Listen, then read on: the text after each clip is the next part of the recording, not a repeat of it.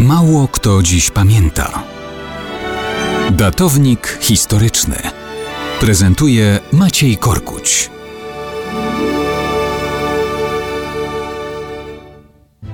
Mało kto dziś pamięta, że 5 lutego 1859 roku Aleksander Jan Kuza został wybrany na księcia Wołoszczyzny.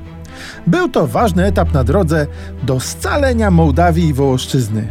To z nich powstała Rumunia.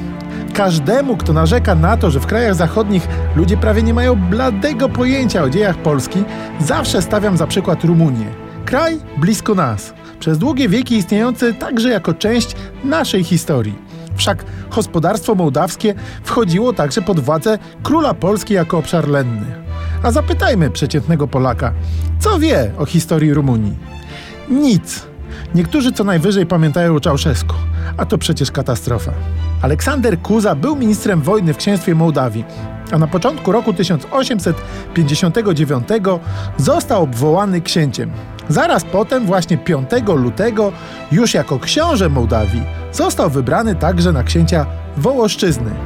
Taka unia personalna była marzeniem wielu ludzi zmierzających do pełnego zjednoczenia bliskich sobie obu regionów Europy. Wspólny władca był faktem, ale wciąż to były dwa księstwa zależne od słabnącego państwa tureckiego.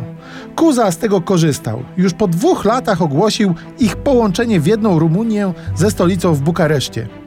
Kraj konsekwentnie szedł drogą ku pełnej niepodległości.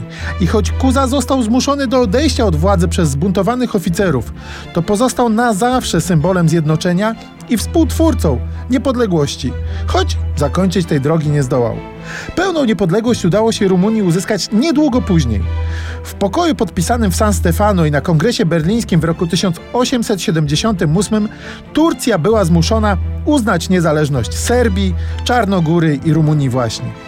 Polacy wiele fragmentów swojej własnej, powstańczej również historii lepiej mogliby zrozumieć, widząc dążenia niepodległościowe innych narodów Europy.